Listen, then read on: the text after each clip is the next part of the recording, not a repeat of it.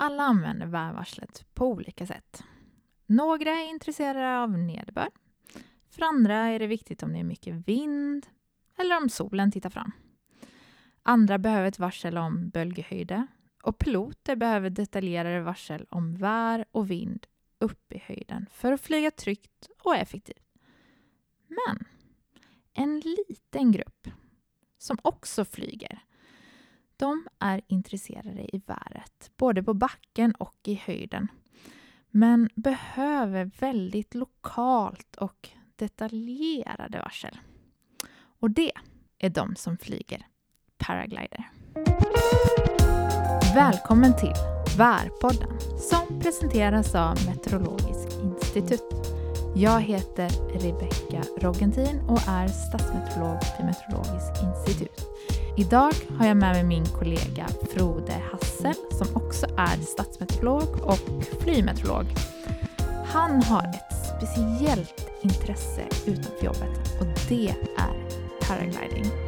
Idag ska vi bland annat snacka om varför værvarsel är så viktigt för paragliding och om olika väderfenomen som man faktiskt kan bli utsatt för när man kommer upp i höjden. Ett avsnitt för de som driver med paragliding men också ett avsnitt för de som bara är fascinerade av denna sport. Hej Frode! Hej! Vad kul att du ville vara med i Värpodden och snacka om paragliding. Ja, det är ett emne ämne som fascinerar mig väldigt. Ja, men jag tänker före vi går in på paragliding så måste vi snacka lite om vad det innebär att vara flymetrolog. För vi bägge är ju flygmeteorologer här på Meteorologiskt institut. Så vad, vad innebär det egentligen? Ja, Det er en litt annen måte å varsle på enn enn det vi er vant til som vanlig meteorolog. da. For flygerne har litt andre behov enn enn folk flest, mannen i gaten, kan du si. da. For det første så varsler vi det som vi kaller for punktvarsel. Vi varsler for uh, alle flyplassene, eller de fleste flyplassene i landet, nokså detaljert. og Det lages et varsel som enten gjelder i 9 timer eller i 24 timer. Og Da skal vi ha en ganske detaljert forklaring på alt som skjer nær time for time. Eh, Flygerne er veldig opptatt av f.eks. vindhastighet. Retningen på vinden er veldig viktig i forhold til rullebaneretningen. De er interessert i sikten, hvor langt de kan se. Og de er interessert i hvor mye skyer det til enhver tid, hvor lavt de ligger. Så det, det, er ganske mye de spør om og har behov for å vite. Men eh, da tenker jeg at vi går inn litt på paragliding nå. Mm -hmm. hur, hur startade egentligen ditt interesse for paragliding? For det er ikke precis den sporten som er veldig lätt att starte med, tenker jeg. Nei, Jeg husker ikke helt hvordan det skjedde, men som de fleste mennesker her i landet, så har jeg jo alltid hatt drømmer. altså Når jeg har sovet, har drømmer om at jeg kunne fly. Og, Noen ganger har de drømmene vært så utrolig virkelige at jeg har følt at nå har jeg knekket koden. Nå, nå har jeg funnet ut Det er jo så enkelt, det er bare å strekke ut armene, så svever jeg. Og så har jeg blitt sørgelig skuffet neste morgen da jeg oppdaget at det var nå bare en drøm. da. Men så har jeg et område her i Bergen hvor jeg liker å gå mye på tur, i fjellene her øst for Bergen.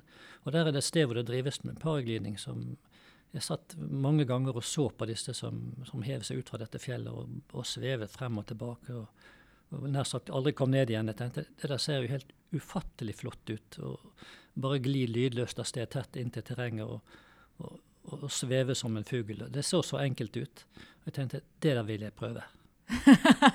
hur lenge siden var det da? Ja, Det var i 2005.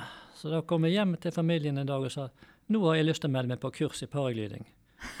og jeg husker konen min sa til meg den gangen da, ja, å, skal du drive og henge og dingle høyt oppe i luften? Ja, du får vel gjøre det, da. Så hun aksepterte det, altså? det var jo konstig. Ja, Hun gjorde faktisk det, så det var jeg jo veldig glad for. Ja. Men for, for de som ikke vet nå hva paragliding faktisk är. För jag kan tänka mig att det är många som förväxlar paragliding med, med andra saker, fallskärmshoppning och allt möjligt. Vad, vad är egentligen paragliding? Altså, Paraglideren ble jo utviklet opprinnelig fra fallskjermen. Altså, fallskjermen er jo sånn som man tar en sekk på ryggen og hopper ut av et fly, og så håper man at den skal åpne seg der før man kommer ned. Ja. Eh, Så var det noen litt kreative sjeler på slutten av 80-årene da, som fant ut at det var noe litt tungvint det å alltid være avhengig av å bli slept opp i et fly først og hive seg ut. Så tenkte de kanskje vi kan bruke denne fallskjermen til å, å sveve ut fra et fjell istedenfor. Men til å begynne med så fikk de ikke så veldig gode resultater ut av det. For, for denne fallskjermen den, den er beregnet å, fly ganske fort, og den, den glir ikke så veldig godt. Dvs. Si den, den flyr ganske fort nedover samtidig som den går fremover. Da. Så man utviklet denne fallskjermen videre til å få til å få bedre flyegenskaper.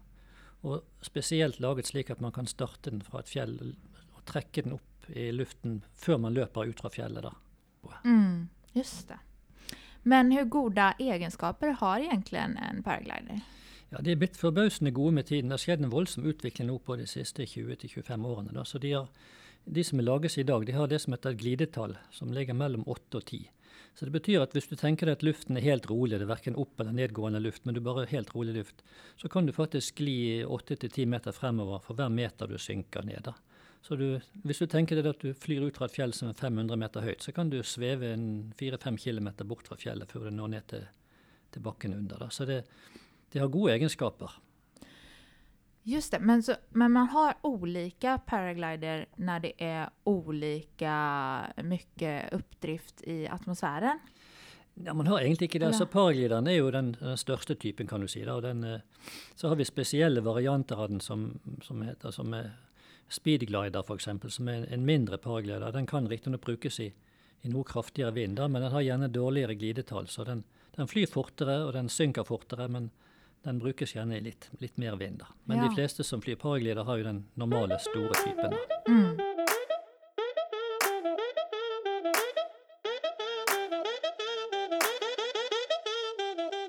Værvarsel, det er jo spesielt viktig for denne sporten. På, på hvilket sett er det viktig? Ja, det første grunnen er jo kanskje det at vi tenker på paraglideren er en forholdsvis saktegående flymaskin. da.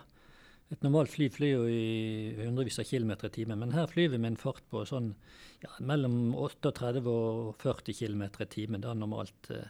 Det betyr at hvis vi har motvind som er en, la oss si en, en, en 10 meter i sekundet omtrent, da, så står vi praktisk da stille i luften og kommer ingen vei. Så det, så vi kan ikke fly i, i, sterk vind, og i hvert fall ikke kan det være sterk vind der vi skal ta av. Så er vi, vi er avhengig av riktige vindretninger på start, og vi er avhengig av at ikke vinden er for sterk.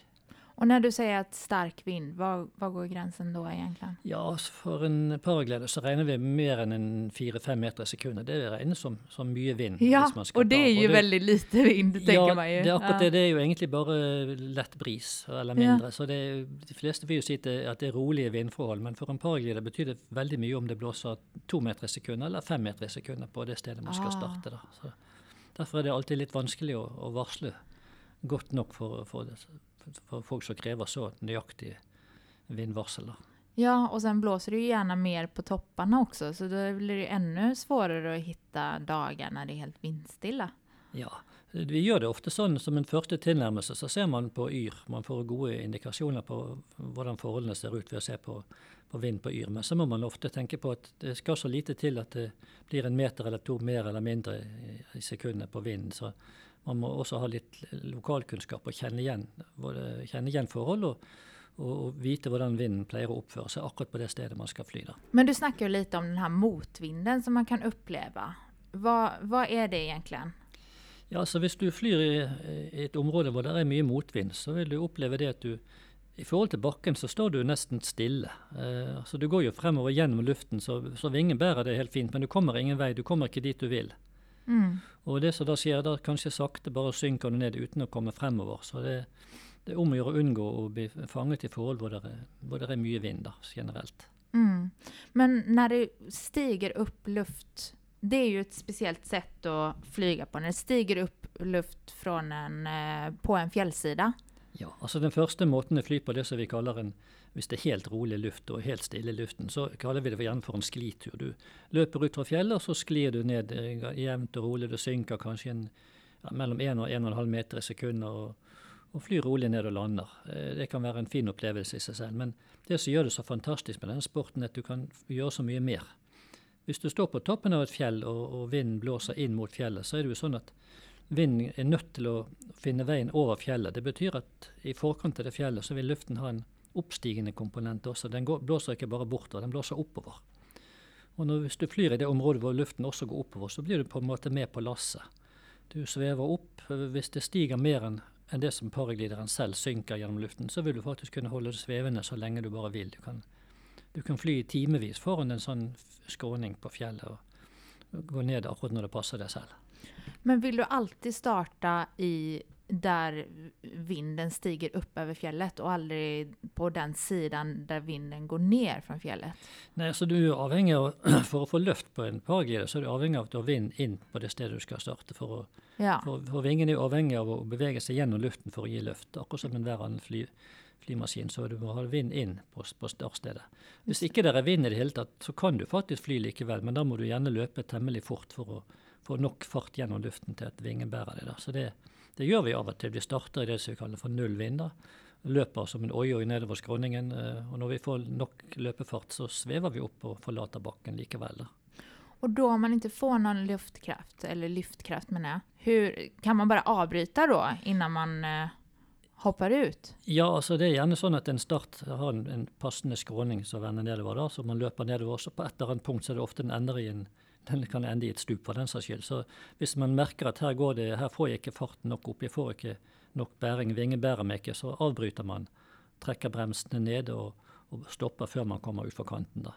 Men sen så använder ju ni ett annat fenomen som händer i atmosfären och det är ju när det är sådär väldigt fint vær och man ser de här eh, blomkålskyene, som man kan kalla dem. Ser ut som blomkålskål på, på himlen. Eh, og i, i Sverige så kallar vi faktisk de her for vakkert vädermoln.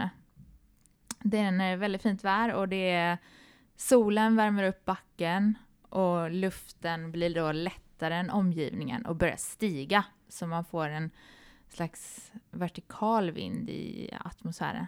Vill du berätta hur eh, ni använder det för å att flyga med paragliden? Ja, det er jo sånn at man flyr gjerne ut fra dette fjellet, da, og så leter man etter området hvor, hvor man eh, merker at luften stiger til værs. Nå har vi gjerne med et instrument som vi kaller for et variometer, eller en vario. Og Det er egentlig en trykkmåler som viser nokså nøyaktig hvor fort man stiger eller synker. Så da merker vi veldig fort hvis vi kommer inn i et slikt område hvor luften stiger til værs. Det som vi kaller for en termikkboble. da. Og disse boblene med, med varm luft eller varmere luft de kan være alt fra kanskje ti meter i diameter til mange hundre meter. Så når du finner en slik, så gjelder det da å legge vingen i en forholdsvis skarp sving og prøve å finne sentrum av det området, og der hvor det løfter mest. Og Da kan man ligge i sving og bare snurre rundt og rundt og rundt, og samtidig så stiger man oppover. da.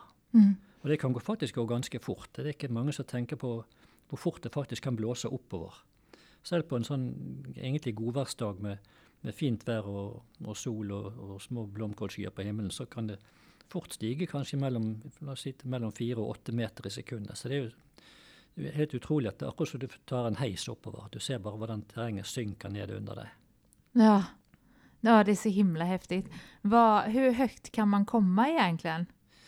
Ja, altså hvis man roter seg bort i virkelig uh, kraftig termikk og kanskje kommer inn under en sånn bygesky som man helst ikke skal, da, så er det jo eksempler på folk som har blitt dratt opp mer eller mindre ufrivillig helt opp i 8 10 000 meters høyde, med, med noe vekslende resultat, dessverre. da, men men, eh, men altså, hvis man flyr normalt, så er det jo de som er flinke og er gode på å flytermikk, de, de er fort oppe i en 2000-3000 meters høyde her i Norge, da. Ja. Men, men då, då tänker man väl ändå när man ser, man, man ger väl sig inte ut med, med paragliding när man ser att det är bygeskyer. Då vet man ju att det är för mycket termik. Ja, og det, der kommer jo også værvarslingen inn i bildet. da. Ja, At man må være forberedt på om det kan dannes ettermiddagsbyger f.eks. Om det er så ustabil luft at det faktisk dannes byger. For man skal ikke fly i så harde forhold. og En annen ting er at man skal aldri fly i regn uansett. For paraglideren mister flyegenskapene når den blir våt, og, det kan komme vann inn i cellene. Så, så den får veldig dårligere flyegenskaper hvis den blir våt. Så det unngår man helt. men jeg tenker at de, de fleste som er på backen, de tenker jo at det blåser eh, horisontalt, altså bortover. Man tenker jo ikke så mye på at det faktisk kan blåse vertikalt. Nei, man merker jo ikke så mye til det når man selv står på bakken, for luften kan jo ikke gå gjennom bakken, verken opp eller ned. sånn at er man nær bakken, så er vinden nødt, nødt til å følge terrenget, kan du si. det. Men, men vi merker det veldig godt når vi er ute i luften, hvor, hvor mye faktisk det går både opp og ned. Det er ikke bare oppstigende, men også nedsynkende luft ute i, luft, ute i atmosfæren når vi flyr. Så det er en utrolig fascinerende lærdom å, å ta med seg når man flyr. da. Og så kan jeg jo nevne det at når det er snakk om skikkelig kraftige bygeskyer som, og tordenskyer, som vi selvfølgelig ikke skal skal fly i det hele tatt, da, da kan luften gjerne stige med altså mellom 20 og 30 meter i sekundet. Og Det svarer jo egentlig at det skulle blåse enten en, en god kuling eller kanskje storm rett oppover. Så det er jo helt utrolig at det, at det er så mye bevegelse i atmosfæren. Mm. Og det er jo på sånt sett som hagel bildes også. At det er regn lengst nere i skyen, og så stiger det da 20-30 meter per sekund uppåt. Och där är det iskristaller och så fryser de till is. Och så går de upp och ner i, i en sky. Ja, de går gjerne flere runder opp og ned og legger på seg for hver ny runde opp. Mm. Til slutt så blir de så tunge, disse haglene, at de faller ut av skyene. Mm. Så disse skyene har jo voldsomme bevegelser både oppover og nedover. Mm. Eh, noen deler av skyen kanskje stiger det med 20-30 meter i sekundet. Og, og der hvor nedbøren dannes, der kan det plutselig luften rase nedover med en, noe tilsvarende fart. Altså, en sånn sky er jo livsfarlig å befinne seg i med en paraglide. Men hur gör då en paragliderpilot när en skal planlegge en flytur? Jo, altså Det første man gjør, er å ta en sjekk på det sånn helt grovt på det overordnede værbildet. da. Man går gjerne inn på Yr og, og sjekker hvordan bakkevinden ser ut eh, på de stedene man tenker å fly. og Da er det jo viktig å se er den passelig sterk. Det skal ikke være for lite og ikke for mye. Og så er det viktig at retningen er riktig i forhold til det stedet man flyr på. da. Alle flystedene våre har jo en, en, en sektor kan du si, som er definert som den gunstigste retningen å starte på. Kommer vinden utenfor den sektoren med retningen, så er det veldig vanskelig å ta av. Man skal ha vind inn på starten, altså man løper mot vinden. Men så trenger man gjerne litt mer informasjon enn bare vinden som er i bakkenivå. Da. Så, så man sjekker gjerne vinden, hvordan den oppfører seg oppover i høyden. Kanskje er det mye sterkere vind lenger oppe. Det kan ha veldig mye betydning for hvordan flyturen blir, og om den lar seg gjennomføre, eller om det er faremomenter med det. da. Hvis det er mye vind i høyden, og kanskje spesielt på le-siden av store fjell, så kan denne vinden sette opp eh, kraftige bølgebevegelser, eventuelt turbulens. da. Og den bølgebevegelsen er noe som vi kaller for fjellbølger. sånn at hvis man havner i et område hvor den luften er på vei oppover, og det kan skje over store områder, kanskje mange titalls kilometer, hvor luften egentlig går ganske fort opp, så kan man bli fanget i denne oppstigende luften og faktisk få problemer med å komme seg ned igjen. Så sånne fjellbølger er noe vi absolutt vil unngå. Mm. Och det är inte alltid man ser det, men ibland så kan man ju se något som heter linsskyer. Och då vet man i vart fall att det är sån turbulens i luften och fjellbølger. Ja, det er noe her f.eks. på Vestlandet så er det noe vi veldig ofte ser når det blåser kraftig vind fra øst eller sørøst. Da dannes det et sånn bølgemønster på, på vår side av fjellene, på le-siden av fjellene. Da. Og akkurat der hvor luften er på toppen av bølgen sin, der kondenseres det skydråper. Sånn at der dannes det en sky, og der hvor luften har gått ned i, bølgebunnen, der varmes den opp igjen litt, og, og, og skydråpene fordamper. Der får man et sånt mønster på himmelen med, med stående bølger, kan du si. Eller skyene står i ro, men egentlig så blåser faktisk vinden gjennom skyen. Så det hele tiden dannes nye skydråper. Så det er ikke én og samme skydråpe som danner, eller de samme skydråpene som danner skyen hele tiden. De, de nydannes hele tiden, faktisk. Mm -hmm. Og de skyene skyarna ser jo ut som eh, ufon. Så förr i tiden så förväxlar man det faktiskt. Man trodde det var ufon. Ja, det stemmer det. Det, Ja. det, det kalles for altocumulus lenticularis på godt latin. Ja. Altså linseformete skyer i øynene. Mm. Atmosfären kan ju vara stabil eller den kan vara ostabil. Och då blir ju flyturen på olika sätt. Vad blir det egentligen för skillnad på om det är stabil atmosfär och ostabil atmosfære. Altså Hvis atmosfæren er stabil, så betyr jo det egentlig at temperaturen gjerne ikke faller så mye med høyden. Den kan til og med stige med høyden. Da har vi en såkalt inversjon. da. Eh, har vi slike forhold, så blir det i hvert fall ikke termikk. Altså Det betyr at det er ikke noen sånne oppstigende luftbobler som man kan dra nytte av for å komme seg opp. Så Under sånne forhold blir det gjerne en såkalt sklitur. At man, man sklir rolig ned. Luften er gjerne nokså rolig, og, og det er greie forhold i luften, ikke noe turbulens. Men man kan bare få en nydelig, rolig flytur ned og, og skli ned til landingen. Er luften ustabil, så får man da muligheten for å fly på termikk, så jeg sier at du kan skru termikk og komme deg høyt til værs. Men hvordan skal man vite om den er stabil eller ostabil? Ja, Man kan jo få en god del informasjon ved å se på Yr, selvfølgelig, og se om det er varslet byger der.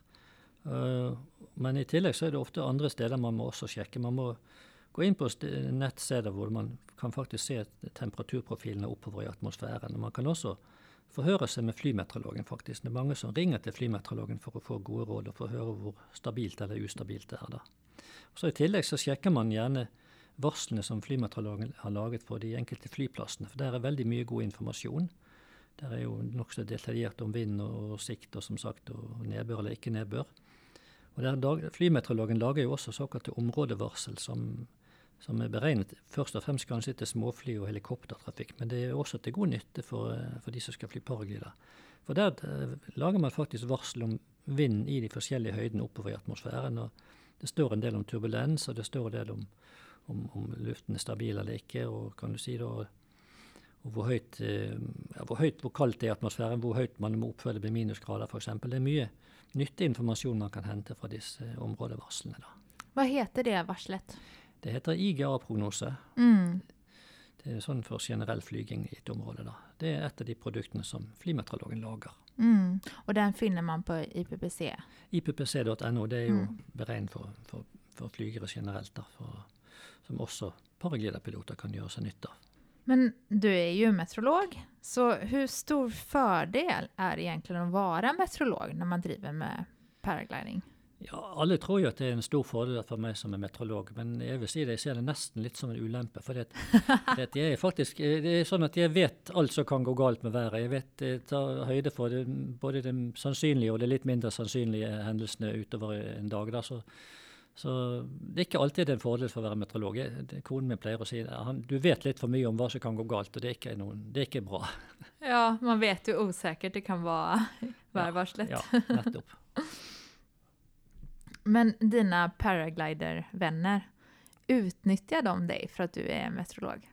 Ja, alle tror at jeg er en sånn guru som har svaret på alt. Når vi står på, på toppen av fjellet der og det blåser en meter eller to i sekundet, så sier de ja du Frode, hvordan, hva skjer nå? Hvor lenge er det til det, før det blåser sånn og sånn? Og, du er jo eksperten her, Frode, sier de alltid. og jeg jeg si nei, jeg, jo jeg er jo meteorolog, men det, altså, det her snakker vi om lokale forhold på en liten fjelltopp. og om det vinden snur 30 grader eller øker eller minker med én meter i sekundet, det er ikke et menneske som kan, som kan forutse, egentlig. Men alle tror at jeg som ekspert skal ha svaret på alt. Så, så alle kjenner jo Frode i flyklubben. Da. Det er han meteorologen som, som liksom skal kunne alt. Ja, men, men det, det, kan jeg ikke. men det tenker vi her på jobbet også. Vi tenker at du, du er ekspert. Så vi spør bare deg om det er noe vi er usikre på. Ja, ja, jeg føler meg ikke alltid som en ekspert. Men jeg har holdt på en stund med dette faget. så det men det er ikke alltid det hjelper. Men eh, jeg er jo veldig fascinerad av paragliding. Jeg har jo suttit her på jobbet i fikarummet og frågat deg ganske mye om eh, paragliding. Men jeg kjenner ändå at det er jag gillar ju sån, lite sån, ja, läskig sport, men alltså jag tror, ja, nej, jag tror inte jag skulle våga börja med paragliding. Är det farligt? Eh, ja, altså Det er jo regnet som en ekstremsport, dette her. Det er jo det. Men det trenger ikke være mer ekstremt enn det du gjør det til selv. da. For Hvis du bare har vett nok til å fly innenfor dine egne begrensninger og respektere vær- og vindforhold, og, og, fly sånn som du føler er trygt, så er jo dette bare en utrolig fascinerende og trygg sport, egentlig. Det er jo det at Heldigvis er det nokså strenge regler for å drive med slikt. Det gjelder både i Norge og i utlandet, egentlig. Det er ikke noe som man bare finner på på egen hånd. Man er pålagt å ta et kurs, og man har eksamens plikt, og man har eh, sertifikater som, som, går på forskjellige graderinger. at Alt dette som hvilket sertifikat du har, så er det nokså definert akkurat hva du har lov til å gjøre, og hva du ikke har lov til å gjøre som pilot. Men hva kan egentlig gå galt når man driver med paragliding? Altså Hvis man tar av i rolige vindforhold og det er lite som skjer ute i luften, så, så, er det ikke så veldig mye som kan gå galt hvis ikke man gjør sånne brukerfeil. på å si At man håndterer vingen helt feil. Man bremser for mye så den steiler. En, en flyvinge kan jo steile. En paraglider kan steile på samme måte som et fly kan steile hvis det flyr for sakte. Da mister man plutselig løft og, og detter ned, for å si det enkelt. da. Og hvis man tar for skarp sving, så kan man også få det som heter spinn.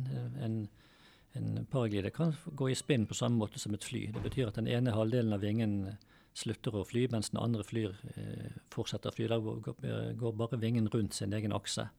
Og det også enda med at man går fort ned da.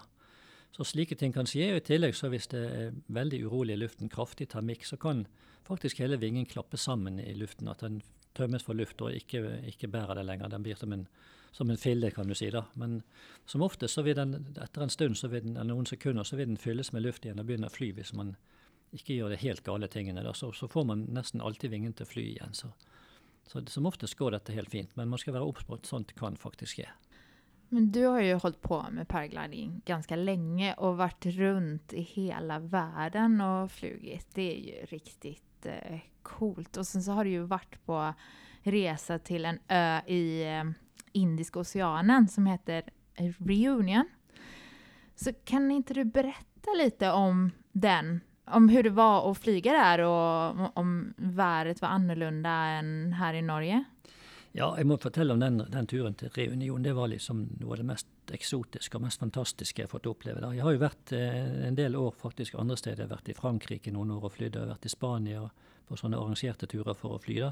Men denne turen til Reunion, det, det overskygger alt. Det var helt Det var et tropisk paradis, rett og slett. Og det var helt uvirkelig å være der. Så det er jo en, en, øy som ligger i Indiske hav, som du sier. der. Den ligger faktisk på 20 grader sørlig bredde, så den er på andre siden av ekvator. Ikke så langt unna Mauritius. Og vi dro der der konen min og jeg dro ned der, for hun flyr også paraglider. Så vi dro der sammen for et par år siden. Og det var en organisert tur, dette. Det er et firma i Oslo som driver og arrangerer sånne turer. Og vi var vel en, jeg tror vi var tolv stykker fra hele landet. Ganske mange fra Bergen, faktisk, som, som fløy sammen. Det var en fin gjeng.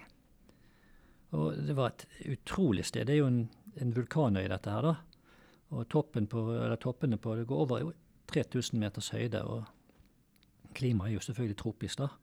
Med palmer og sandstrender og, og korallrev utenfor sandstrendene. Og det er faktisk haier i havet der. Så vi startet jo, vi hadde to hovedsteder vi startet fra. Det ene lå på 800 meters høyde, og det andre lå på 1400 meter over havet. Da. Så det var jo, når vi startet på 1400 meter, så ble det jo en kjempelang tur ned. Det var jo en, en mil å fly ned til havet nesten, da. Så vi landet alltid nede på sandstranden. Og det var jo helt utrolig, det der opplevelsen. Og når du skal ta innflygingen og lande på denne stranden, så tok vi gjerne noen turer ut over havet, ut, ut helt ut til det korallrevet som lå et par hundre meter utenfor stranden. Der fløy såkalte åttetall, altså innflygingen for å, for å tape høyde da, og komme inn for en riktig innflyging. Og det å sveve utover dette krystallklare havet og, og se ned på revet og, og bølgene som brøt, det var helt uvirkelig. Hva, hva, hva, var det for skillnad i været, da? Ja, Været er jo naturlig nok veldig forskjellig fra Norge. Her var det ikke mye hjelp å være meteorologer utdannet hjemmefra og, og kjenne værforholdene i, i, gamle Norge. Altså det, alt var annerledes. Det er jo sånn at det, på disse øyene her så er det veldig fremherskende vindretning. Det er noe mellom sørøst og øst i grunnen nær sagt året rundt. Det er hovedvinden som kommer i området. Hvis ikke det kommer noe, danner seg noen tropiske stormer, da, så er det normalt nokså jevn, stødig vind fra, fra, øst og sørøst. Og Det betyr på den øyen, så på østsiden av den øyen så er det pålandsvinder, og nokså mye nedbør, egentlig. Kraftige byger. Mens på vestsiden så er det Du ligger det på en måte i le av disse svære vulkan, vulkanene som ligger inni øyen. da, så De er jo 3000 meter høye og skjermer veldig mye fra vinden. så det blir mye mindre nedbør på den siden som vi oppholdt oss. Det komme, det kommer en del byger, særlig på ettermiddagene og Særlig inn i, litt, inn, litt inn fra kysten. Da. Men det var veldig sjelden de byggene nådde helt ned til den stranden vi skulle lande på. Så det kunne gjerne være litt truende skyer der hvor vi startet, men når vi landet på stranden, så landet vi nesten alltid i strålende sol. Mm. Og så kan det jo komme tropiske sykloner der også? Ja, den tiden vi var der, det var vel i november, så, så, var det liksom den tiden hvor det begynte å bli en viss mulighet for at det kunne dannes. Men, men det er mm. ikke noe som er vanlig, og vi, vi har opplevd ingenting slikt da. Nu tänker jag att vi ska runda av här lite, men vi måste ta en sista fråga. Och det är, när blir din nästa flytur? Ja, du vet, her er jo, Nå er det høst her hjemme, og det er ikke akkurat høysesong for flyging. Det er gjerne mye urolig vær, så det værgudene bestemmer dette her. Så. Mm. Men jeg ser for meg at enten blir det her like i nærheten i Bergen. Vi har et flysted her inne på Vemånen, så er det på Underland, som er veldig mye brukt. Så det blir nok enten der, eller kanskje det blir en tur fra Hanguren på Voss. Det er de stedene vi pleier å bruke mest. Da. Men eh, da vil jeg bare takke deg, Frode Hassel, for at du har vært med i Værpodden og delt all den her eh, erfarenheten som du har med paragliding. Og jeg tenker, oavsett om man driver med paragliding eller ikke, så tror jeg man syntes det var jättekul å høre på det her avsnittet. Så takk så jättemycket for at du har vært med. Jo, selv takk.